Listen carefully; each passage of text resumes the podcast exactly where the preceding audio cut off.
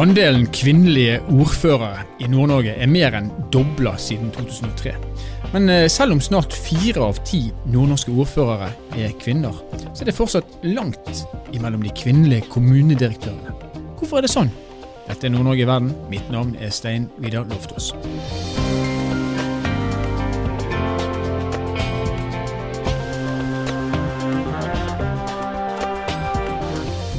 En rapport på Kunnskapsbanken for Nord-Norge viser at vi først vil ha like mange kvinnelige som mannlige ordførere i 2043.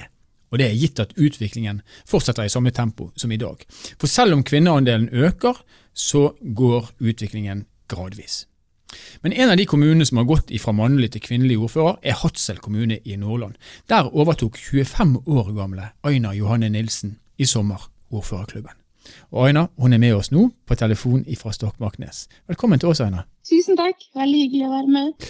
Ja, Gleden er på vår side. Du er utdannet sykepleier, og du er, jeg har allerede sagt det, du er bare 25 år. Hvis det går an å si bare 25 år.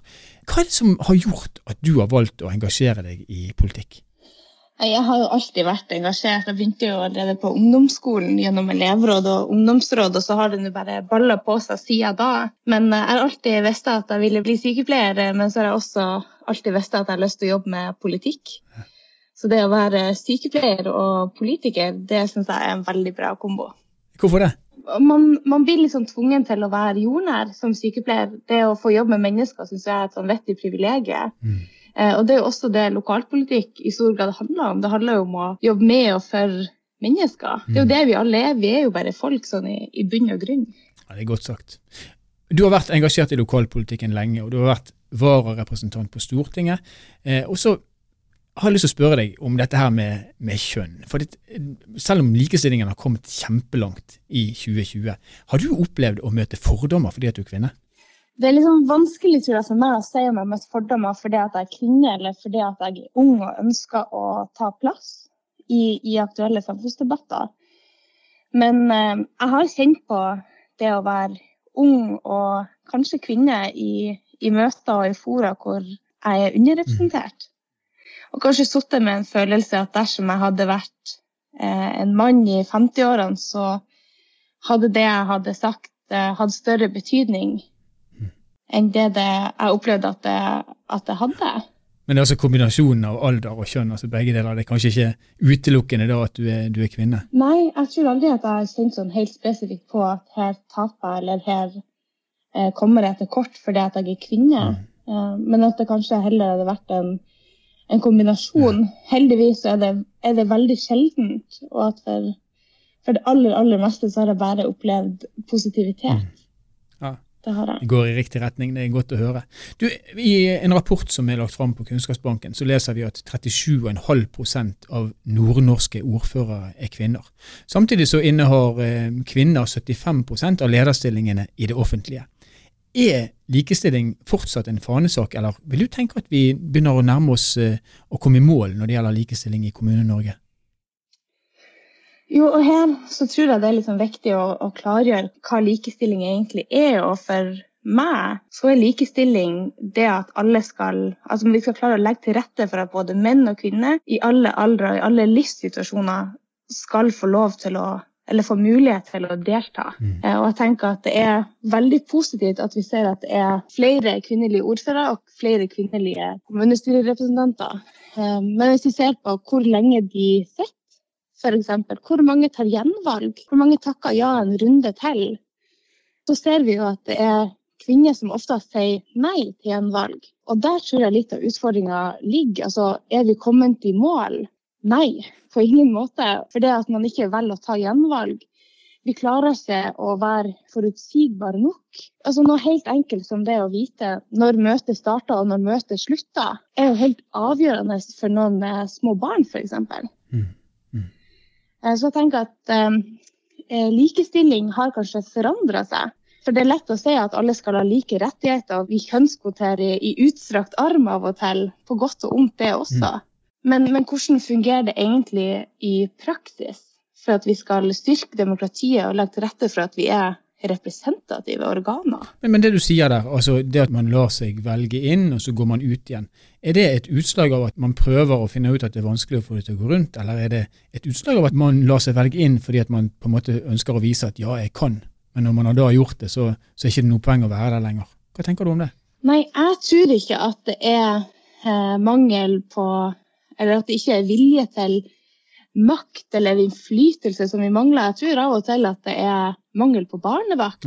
Altså i, i, hverdagen for noen, eller mangel på forutsigbarhet og på ramme.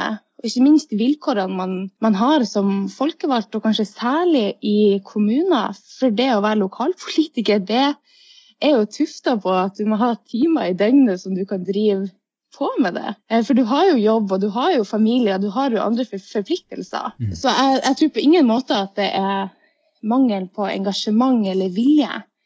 Men det er rett og slett at vi eh, kanskje ikke klarer å legge til rette. Så rent faktisk og praktisk. Hva, hva er løsningen på det? Nei, Noe som vi innførte i forrige periode her i Hadsel, var f.eks.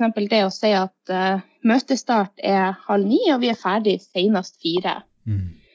i kommunestyret. Og, og satt også forutsigbare rammer for de andre møtene vi hadde, om det var i, i samarbeidspartiene, eller i formannskapet eller i utvalg.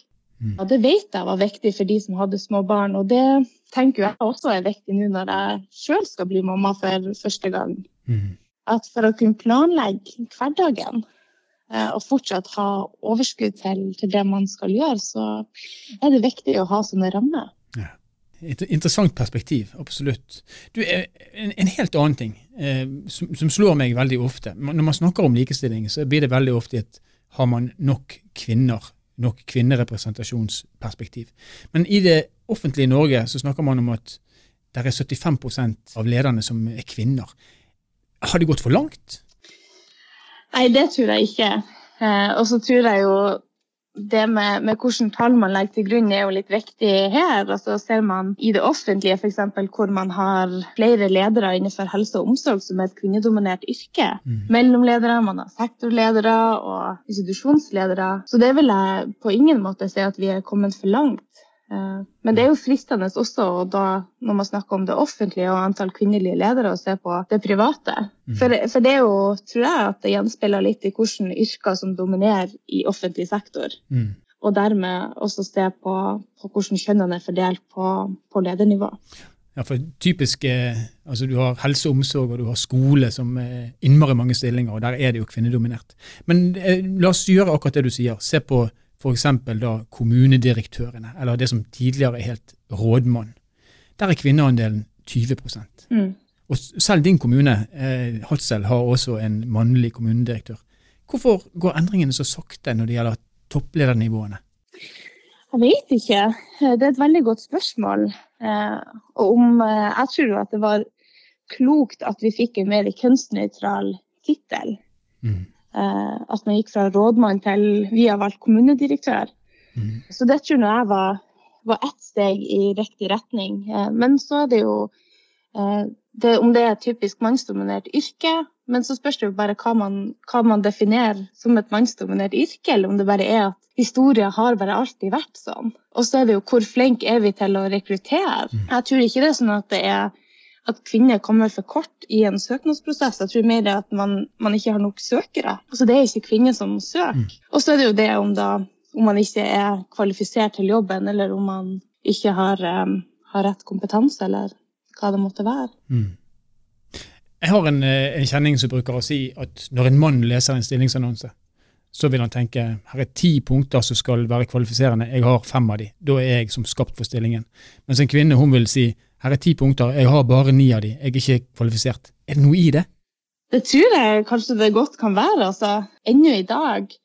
Eh, det er jo flere og flere som jeg tror dropper nettopp det å bare si jeg er god nok, vi kjører på. Eh, men at man kanskje, mange av oss, mm.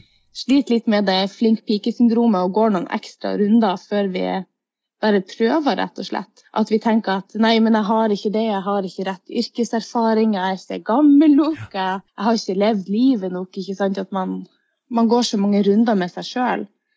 Mm. Um, men, men, det tror jeg ikke er for alle. Nei. Så her må vi bare passe på at vi ikke generaliserer, men at det er fortsatt flere som gjør det, enn de som ikke gjør det. Det tror jeg fort det kan være. Tenker du at du har en viktig rolle der? Altså, du er jo både kvinne og ung, og likevel så er du, er du ordfører. Tenker du at du har en viktig rolle som rollemodell? Ja, jeg ønsker i hvert fall å vise at det går an. Jeg ønsker å vise at man både kan være ung og ha den bakgrunnen jeg har, og være kvinne, men også vise at uh, man kan etablere familie og kombinere det med det å ha uh, et sånt verv som jeg har. Uh, og så blir det jo litt forskuttering, men jeg er veldig innstilt på at det skal gå. Selv om det sikkert blir noen kabaler som må løses. Men jeg tror at vi har vært heldige i Norge som særlig kanskje de siste årene har hatt flere kvinner som er i en fase av livet hvor man kanskje ellers ville ha takka nei har takka ja til å påta seg roller, til å stille til valg, til å være kandidater. Mm. Og det har i hvert fall vært viktig for meg. Og det tror jeg er viktig for flere, at vi har rollemodeller og vi har noen som står frem og viser at jo, det går an. Tusen takk for at du kunne være med oss og belyse et særdeles viktig tema. Aina Johanne Nilsen fra Hadsel kommune. Takk for at jeg fikk være med.